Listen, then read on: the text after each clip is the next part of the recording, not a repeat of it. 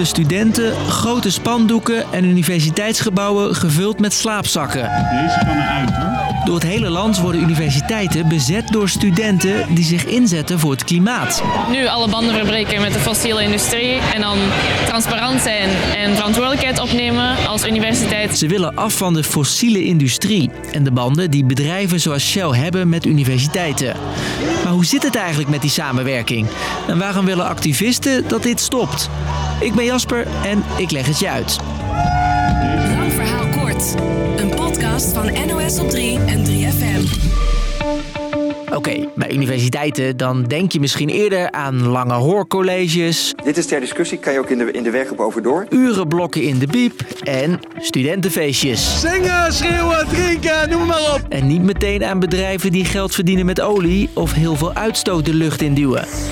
Toch werken veel universiteiten samen met bijvoorbeeld Shell, ExxonMobil of Tata Steel. En dat doen ze door eh, in het onderwijs eh, lezingen te geven, hoorcolleges te geven. En eh, ze doen dat ook door het sponsoren van studieverenigingen. Dat vertelt Guus Dix. Hij is docent op de Universiteit van Twente en klimaatactivist. En die grote bedrijven betalen ook mee aan onderzoeken van de universiteit. Ja, ze kunnen toch ook de onderzoeksvragen meehelpen uitstippelen. Deze samenwerking tussen universiteiten en bedrijven is niks nieuws. Dat gebeurt al tientallen jaren. Sommige studenten en onderzoekers zeggen nu: Ho, wacht even. Ik wil niet dat mijn universiteit banden heeft met zulke milieubelastende bedrijven. We hebben eerder vandaag de UvA bezet. We want to know where all the money's coming from and going. Ze willen dat er iets verandert. Ons doel is in eerste instantie om te zorgen dat deze universiteit alle banden verbreekt met de fossiele industrie. En dus is er de afgelopen tijd al op heel wat universiteiten gedemonstreerd. Soms met succes. Zo zeggen verschillende universiteiten kritischer te kijken naar de samenwerking en hun rol in de klimaatcrisis.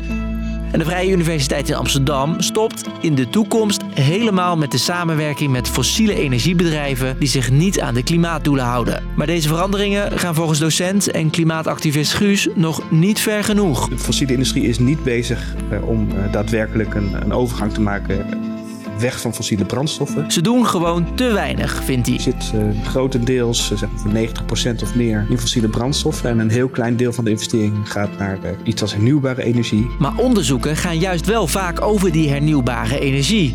En dus lijkt het door die samenwerking alsof bedrijven daar veel meer mee bezig zijn. En dat is greenwashing, vindt Guus. Nou, greenwashing is eigenlijk een uh, bedrijfsstrategie om uh, de aandacht vooral te vestigen op een klein deel van de, van de onderneming die dan relatief groen is. Uh, en het zo min mogelijk te hebben over het overgrote deel van het bedrijf wat dan zwaar vervuilend is. Dus zolang die vervuilende bedrijven zich niet houden aan de klimaatdoelen, zit er volgens Guus maar één ding op: stoppen met die samenwerking. Maar ja, die samenwerking tussen universiteiten en het bedrijfsleven heeft ook voordelen, zegt Joost van Reek. Hij is onderzoeker aan de Universiteit van Amsterdam. Die bedrijven zijn namelijk superbelangrijk voor de energietransitie. Je weet wel, de overgang van fossiele energie, zoals olie en gas, naar hernieuwbare energie. Bijvoorbeeld zon, wind en water. Wij doen hier onderzoek daaraan, maar om dat onderzoek zo relevant mogelijk te maken, heb je gewoon direct contact nodig met de industrie die het later gaat implementeren. Bedrijven buitensluiten vertraagt dus juist de onderzoeken. En die zijn hartstikke hard nodig. En ik denk dat in alle oplossingen toch het grote bedrijfsleven weer om de hoek komt kijken, omdat ze nou helemaal de expertise en het kapitaal hebben. Nu in één keer alle banden verbreken, dat kan dus volgens Joost juist ook slecht zijn. Dus, lang verhaal kort. Op veel universiteiten wordt geprotesteerd. Niet tegen te lange lesuren, maar tegen de banden van universiteiten met milieuvervuilende bedrijven. Bedrijven als Shell en Tata Steel betalen vaak mee aan onderzoeken, geven gastcolleges en organiseren activiteiten. Maar dat moet stoppen, vinden de actievoerders, zolang deze bedrijven niet meer doen om klimaatverandering tegen te gaan. Een paar universiteiten gaat nu strenger kijken naar die samenwerking, maar dat gaat volgens de meesten niet ver genoeg.